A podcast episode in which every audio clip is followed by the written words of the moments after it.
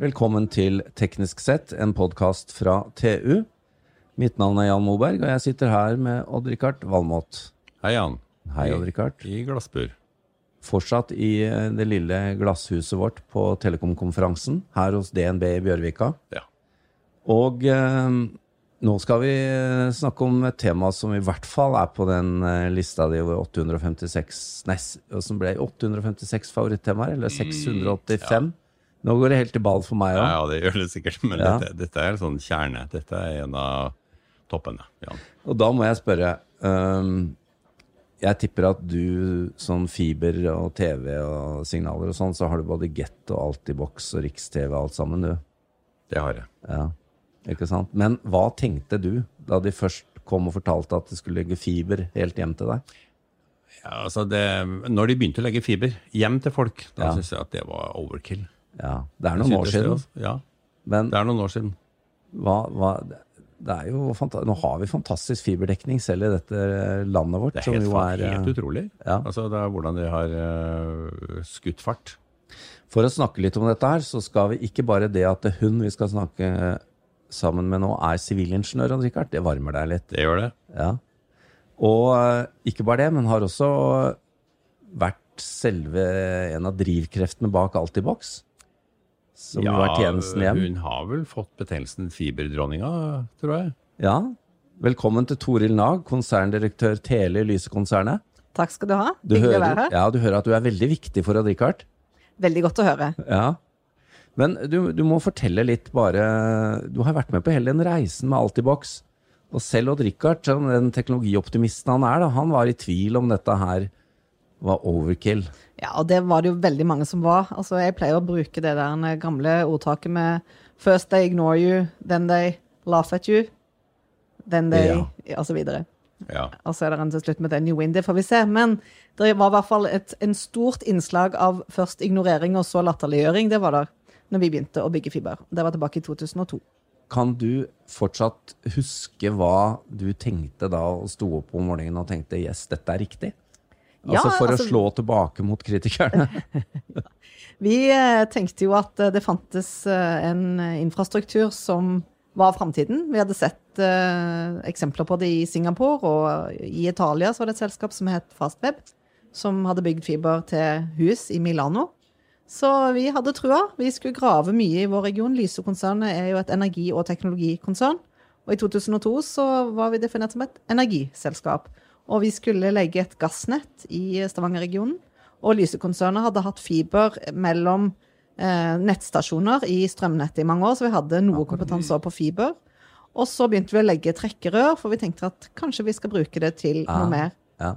Og Lyse-konsernet hadde òg eid et selskap som ble solgt til TDC, som het El-Tele Rogaland, som leverte fiberforbindelser til oljeselskapene som skulle kommunisere med den seismiske databanken som lå i Stavanger. ja, for Så det den er var mye data, eh, noe kompetanse i, eh, ja. ja, i Men hjem konsernet. til folk, altså det var jo en periode hvor det selv var hot. Det var det definitivt. Ja. Og det var jo det store VDSL-prosjektet til Telenor. Det gikk jo i Stavanger. Ja, Ja. ja det husker jeg godt. Så eh, de, de skulle gjøre gull av gråstein. Så, så vi tenker jo litt det at uh, hvis ikke kraftbransjen hadde akslet seg til fiberutbygging, så kunne vi blitt en skikkelig sånn ADSL-bastion som hang veldig igjen i Norge. Mm. Så, så vi tenkte at her er det et nett som kan, kan mye mer, og vi begynte å teste ut markedsinteressen.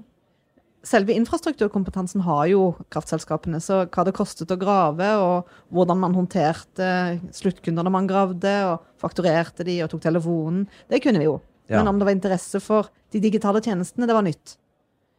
Så det gjorde vi mye testinger på, og veldig mye samtaler med kundene. Og i og med at eh, det var såpass mange som mente at vi eh, at det var overkill, som Odd Rikard sa, så hadde vi veldig veldig tett kundedialog. Og det tenker jeg har preget oss etterpå. At vi er en liten utfordrer. Vi er avhengig av fornøyde kunder. Så lå vi vegg i vegg med en sånn stor videobutikk i Stavanger som het Videoverden. Helt klart den største i Stavanger. Og når vi begynte med fiberen så, og testet mot pilotområder, så leverte vi selvfølgelig raskt internett. 4 megabit symmetrisk internett. Wow. Det var jo overkill. Det var virkelig det var, overkill. det var enormt mye. Ingen altså. vi, vi viste hva, hva brukerne skulle med det, ved å vise hvordan de gjorde når de skulle laste digitale bilder over til fotoknutsen Ja. for framkalling. Ja, det, var jo, det var jo på den tiden, da man framkalte tiden, ja. bilder. Og da kunne du vise hvordan opp- og nedlastingshastigheten hadde noe å si, da. For å vise use case på, på så høy båndbredde som 4 megabit, er du gæren. Men så hadde vi jo digital TV, og så hadde vi videoleie på nett. Og da gikk eh, den lokale avisen Stavanger Aftenblad gikk bort til Videoverden og intervjuet eieren om hva han syntes om at eh, kraftselskapet i nabobygget skulle begynne å konkurrere med filmer. Og han sa at det syntes han bare var hyggelig, for det skapte oppmerksomhet rundt film. Men folk foretrakk å komme i butikken, se i hyllene, kjøpe med seg en pose chips hjem til unger. Og det tok ti år. ja, det tok ti år. Så han hadde jo for så vidt rett. Mm. Ting tar tid. Men du verden som det smeller når det smeller. Ja. Så ja. det nå finnes det det videobutikker utleie igjen. Det er det ikke borte alle sammen. Ja. Ja, jeg tror eh, det er ikke noe konsept for oss heller, det, Richard. Men Toril, hva var driveren i starten? Var det TV, eller var det internett? Det var en sum av begge deler, det hadde vi jo eh, mye diskusjoner rundt. Men jeg tror den største driveren var forenkling. Jeg husker vi kjørte disse testrundene Ja. som jeg nevnte nå. Og jeg mente at det var internett og TV. Og så hadde vi Eirik Undiade, som var teknisk direktør eh, i Ja. Altibox da vi starta. Eh, han mente at jeg tok feil, at telefoni måtte være med. Og vi testa og testa og spurte kundene, og til slutt fant vi ut at det de ønsket, var forenkling. De ønsket alt på én faktura. Kunne klippe ledningen til Telenor, som de var ganske sinte på på den tiden, tidvis. For de følte de ikke fikk nok oppmerksomhet eller nok båndbredde eller Ja. noe. Så, da, så da, eh, da var det faktisk forenkling som var kanskje hoveddriveren. Og mobilnettet tok seg jo av telefonien etter hvert, Ja. så da ble det jo Det tok òg mye lengre tid, så jeg trodde jo at telefoni var ikke vits å sette opp, for det kom til å dø øyeblikk. Ja. Men uh, vi har fortsatt en god del kunder som gir en pen båndlinje på telefoni. Men, Men nå altså- dør det snart. Én ting er jo dette å være kraftselskap og kunne infrastruktur, graving, fakturering og disse tingene, men tjenestene dere skulle levere, var jo noe helt nytt. Det var noe helt nytt. Ja, hvor, for, og det skal, er jo litt kred, og Rikard, for et kraftselskap å komme inn i den verden. Hvordan håndterte dere det? Vi hadde jo en god del kompetanse eh, i og med at kraftselskapene hadde brukt fiber eh, til internbruk, og vi hadde hatt dette andre fiberselskapet til eh, bedriftsmarkedet. Så, vi, så akkurat internettjenesten var det relativt greit for oss å sette opp. Det som var litt komplisert, var TV-tjenestene. Da måtte vi ha TV-headen og ja, rettighetsforhandler og sånn, ja. Ja. Så jeg inviterte Gunnar Evensen, som da var sjef i eh, det som het Janko kabel-TV, Blegget, på besøk og spurte om ikke han kunne levere TV til oss. Eh, og sa han jo, det kunne han når vi skulle få en eller annen margin, og som vi syntes var altfor lite, og da takket han pent nei. Så eh, hvis ikke han hadde vært så streng, så hadde vi kanskje hatt eh, TV-tjenestene fra Telia. Så det er vi veldig, vi er veldig glad for at Ja. det ikke skjedde, da. Ja. Ja. Eh, jeg jeg syns jo vi må komme inn på også at eh, det som senere skjedde, var jo at flere kraftselskaper rundt i landet um, tok, uh, tok denne tjenesten inn hos seg. Det, nå er det jo Altibox er jo Ja, og det er jo veldig morsomt at eh, når vi lagde den første forretningsplanen, som vi da lagde i parallell med at vi kjørte piloter og testet, så sa vi til vårt styre at vi trodde vi kom til å ha 28 000 kunder i 2017. Og Det ble noen flere. Det ble noen flere. I 2017 så nærma vi oss vel eh, 450 000, så det var ble jo det. Og det var jo mye fordi at andre kraftselskaper, som vi har selvfølgelig i bransjen, er det jo mye tett kontakt. Ja. Eh, Så jeg lurer på om det var Haugaland Kraft eller eh, Dalane Energi. En av, en av de andre tok kontakt og sa kan, eh, vi vil gjerne bygge fiber etter den samme oppskriften som dere gjør, og så kan vi kanskje forhandle utstyr sammen og få tjenestene fra dere. Og så tenkte vi at ja, det var, det var et godt forslag, det prøver vi. Og så lagde vi en revidert forretningsplan basert på en partnerstrategi. Men det du har vært med på, Toril, er jo det som mange store, etablerte selskaper søker etter i dag, nemlig hvordan de kan innovere ut fra en eksisterende posisjon. Eh, Hva tenker du nå? Hva er fasiten i ettertid? Hva ville du vært opptatt av hvis du var en av de store andre? Altså jeg tenker denne kundedialogen, Det som vi, vi var usikrest på, var hvordan kundene ville oppfatte oss. Altså Vi trodde vi hadde troverdighet, og når du kommer hjem og Ja, skrur på lyset, så kommer det lys. fakturaen, de Ja. kjente fakturaen, de kjente merkenavnet, de Ja, de kjente, og, og, og de trodde at det virkte. Men om vi kunne bli sett på som innovative, som jo var viktig i TV-delen av det, der var vi mer usikre. Så, så den veldig tette kundedialogen tror jeg har satt seg litt i kulturen vår. Og kanskje òg hjulpet oss til, når vi ser nå på nye tjenester, så er vi veldig tett på hva, hva ønsker kundene seg. Og nå har vi jo fått uh, IT-systemer og AI og maskinlæring som hjelper oss å få bedre innsikt. Men den tette dialogen med kundene tror jeg kommer til uttrykk når vi ser uh, bransjemålinger på kundetilfredshet, der, der våre kunder sier at de er fornøyd med tjenestene vi leverer, og og det de får. Så jeg tror nok det er nøkkelen, å begynne med, med Men det er jo ganske unorsk da, å være god på konsumentmarked. Ja, det kan du si. Og i, i vår, altså, vår del av landet der vi i, i Lyseland, der Altibox-konseptet oppsto, så er det jo veldig mye bedriftsmarked og veldig få konsumentbedrifter. og råvarer solgt videre fra Nordsjøen. ja, for eksempel. Så Ja. det er jo det som er det store der. Men hva hvis du ser fremover i krystallkøla? Altså nå, nå har jo folk nok eh, strømme-TV, nok lineær-TV, nok eh, internettkapasitet.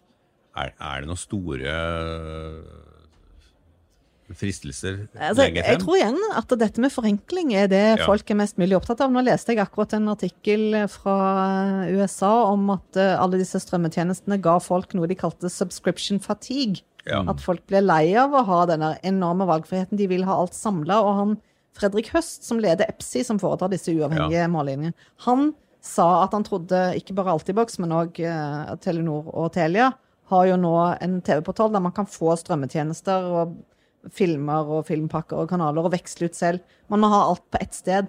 Så jeg tror en- enhver form for forenkling merker jeg sjøl som forbruker at eh, hvis noen bare fikser det for meg, og jeg stoler på det, så er det For nå skjer, nå skjer det jo en eksplosjon av strømmetjenester. Nå kommer Disney, nå kommer Apple, nå kommer veldig mange andre også. Ja. Så det blir jo, vi blir jo litt utslitt her i Norge også. Ikke sant? Så man, man, når man setter seg ned, så vil man egentlig bare ha forslag og, og få, Ja. eh, ja, få, få guiding til hvor man kan finne det man liker best å se.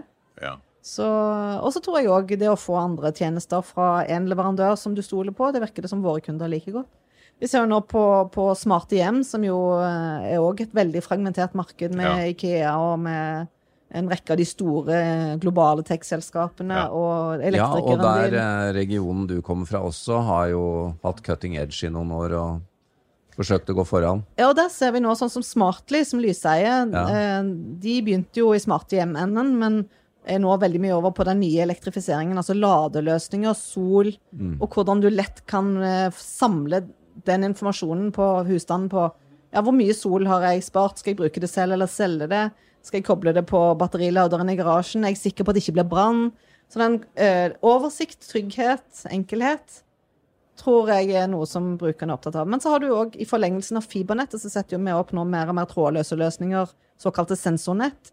Ja. Og i samarbeid med eierkommunene så tester vi ut løsninger der, og tar f.eks. sykkelstamveien i Stavanger. Der er det sensorer som detekterer om det kommer til å bli glatt. Stavanger har jo alltid ca. tre grader sånn Ja. halvåret. Og av og til går det ned til null, og da fryser det på, og da blir det glatt på sykkelveien. Og hvis kommunen får beskjed når de skal strø, og ikke bare strør fast hver dag, så sparer de jo ganske mye. Og hvis de sparer ett hofteleddsbrudd, så sparer de en halv million. Ja, tenk på det. Så det. er ganske lett, og det, sensorene koster jo ikke noe. Så det er jo Nei. bare å få og, og, Så Stavanger kommune har en app der du kan se eh, sykkelveien, og om det er strødd eller ikke, og om det er glatt eller ikke. Og kommunen kan òg se det. Så, Og det er en sånn kjempebillig, enkel løsning å sette opp. Og det ser vi tar. Og vi lagde òg en pilot nå på badetemperaturer, kobla på det samme sensornettet, Loravaen for de som er teknisk Ja, ja. interessert, Det er det. eh, som het Badetassen. Så lagde de i garasjen hjemme hos en av våre ansatte, bare som en, en gimmick. Og så ble kommunen interessert, og så lagde vi en litt større serie. Nå finnes det badetemperaturmålere på badetassen.no, så du kan se temperaturen i hele landet. genialt. Og da er det ingen sånn campingplasseier som kan jukse på gradene, ikke sant? For at da Nei, nei, leser du derfor er det. Men det skjer jo også en sånn smarthjem-revolusjon i hjemmet. Eh, Det har vært f- ganske fragmentert, det markedet til nå. Ja. Eh, Det er, der er det jo en stor mulighet til å sy sammen en ordentlig pakke som både alarmtjenester, energistyring, velferd etc. etc. Mm, definitivt. Og en ser jo at det begynner å komme i nybygg, så er det jo ganske Ja. mange ting som nå er, skulle bare mangle, og som ikke var det for bare fem år siden. Ja. Med lysstyring og varmestyring og Det som jo er et, en utfordring, tilbake til det med forenkling, det er at eh, hvis du har sånne duppeditter Jeg har jo vært pilot for diverse duppeditter, og eh, hvis det plutselig ikke virker, så må du vite hvem du skal ringe til, Ja. og du må vite at de kommer. Ja da, og det som var en smarthjemløsning for ti år siden, fremstår ikke veldig smart i dag. Nei. Nei. Det var Men- kabla, det. Men det er litt sånn eh, altså, De av oss som er sivilingeniører, vi er jo interessert for, de, for, å, for å se hva som går an. Men vanlige folk er jo ikke så interessert. Så når Nei. jeg kom med den første piloten, så min mann som økonom, han var sånn Må du teste det? Det er jo bare lys- og varmestyring. Det trenger, Vi kan jo skru av, av og på ovnene og lyset selv. Men det er veldig sticky. For ja, hvis det nå ikke virker, så blir han òg sånn skal, må, må jeg gå og skru av lyset selv nå, liksom?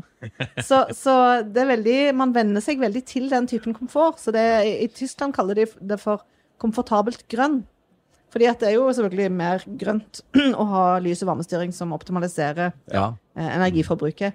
Og den koblingen mellom energi og teknologi blir tydeligere og tydeligere. Sånn at eh, nå når jeg var inne på konferansen og snakket om robust digital infrastruktur, så er det jo sånn at hvis strømmen går, så går, går nettet ned òg. Ja. Så det å se på sikkerhet og beredskap i sammenheng når det gjelder et helelektrifisert og heldigitalisert samfunn, det tror jeg blir stadig viktigere. Og der er det jo viktig at aktørene samarbeider, sånn som kraftbransjen har en, en tradisjon for, men som jeg tror telebransjen òg i større grad bør gjøre. Men det, det, det dere fikk til, eh, Toril, med å få alt i boks ut Jeg tenker jo eh, Det var jo litt sånn eh, med et lite norsk hjemmemarked og den suksessen. Det er ikke like lett å gjenta det, da. Altså, når vi snakker om smarte hjem og disse tingene, så kommer løsninger fra utlandet. Kanskje i enda større grad. Hva tenker du om det? Hva er, hva er den norske muligheten her? Jeg tror jo at vi har en, eh, en befolkning som er veldig, veldig klar til å ta i bruk ny teknologi. Ja. Sånn at eh, vi har en befolkning som er mer digitalt kapable. Og det tvinger jo det offentlige i Norge til å bli mer heldigitale. Så selv om vi selvfølgelig syns at alle løsninger kunne vært bedre, og, og det offentlige bør vite når man er gravid at man trenger barnehageplass om seks Ja. år, eh, som jo for så vidt begynner å komme, da. Så den, bare det som vi har på skatt, altså selvangivelsen, er jo, eh, det er jo ikke gitt i utlandet, for å si det mildt. Så det er klart at det å være i forkant på å digitalisere og forenkle, og vi kommer igjen tilbake til forenkling, at vi har, en, eh, vi har høy tillit, og så har vi en digital befolkning. Og da kan vi kanskje ta fram en del unike løsninger. Jeg vet jo at eh, selvangivelsen på nett er jo et produkt som, som Norge reiser rundt og, og snakker Ja, om. men det er jo fantastisk hvordan Og der har jo finansbransjen bidratt ikke sant, til Ja. å, Og se nå. Vips, for eksempel. Ja. Det er jo en helt fantastisk tjeneste. Så. Vi må avslutte med følgende spørsmål, eh, Toril Lag. I dag har dere 530 000 kunder på Altibox. Mm. Hva, hva kan eh, vi forvente oss av tjenesteutvikling på den plattformen framover? Jeg tror at eh, begrepet underholdning kommer til å utvide seg i retning gaming, og at eh, utdanning og underholdning går mer over i hverandre, og særlig hvis man tenker på livslang læring. Så jeg tror jo at underholdningsuniverset er i stor endring. Mm. Og når det gjelder selve den digitale infrastrukturen, så tror jeg òg at fra å tenke på et mobilabonnement eller et fastnettabonnement, så blir man vant til å ha tilgang alle steder hele tiden. Ja. Og vi har en infrastruktur som kan bli slik. Så jeg pleier å si at eh, et eh, hjem uten fiber er kun et hus. Og så når man er i bevegelse, så må man ha superdigital infrastruktur da òg, og det kommer vi til å få. Men vi, vi, det blir ikke sånn at vi alltid boks studios og lager innhold og sånt? Aldri si aldri. Da, da hører du, Odd Rikard, kanskje du har en skuespillerkarriere foran deg? Plutselig. Jeg tror jeg har nådd eh, end of career road. Toril Nag, lykke til med utbyggingen videre. Vi gleder oss til å følge med på hva mer du får til. Takk for det. Det blir nok mer.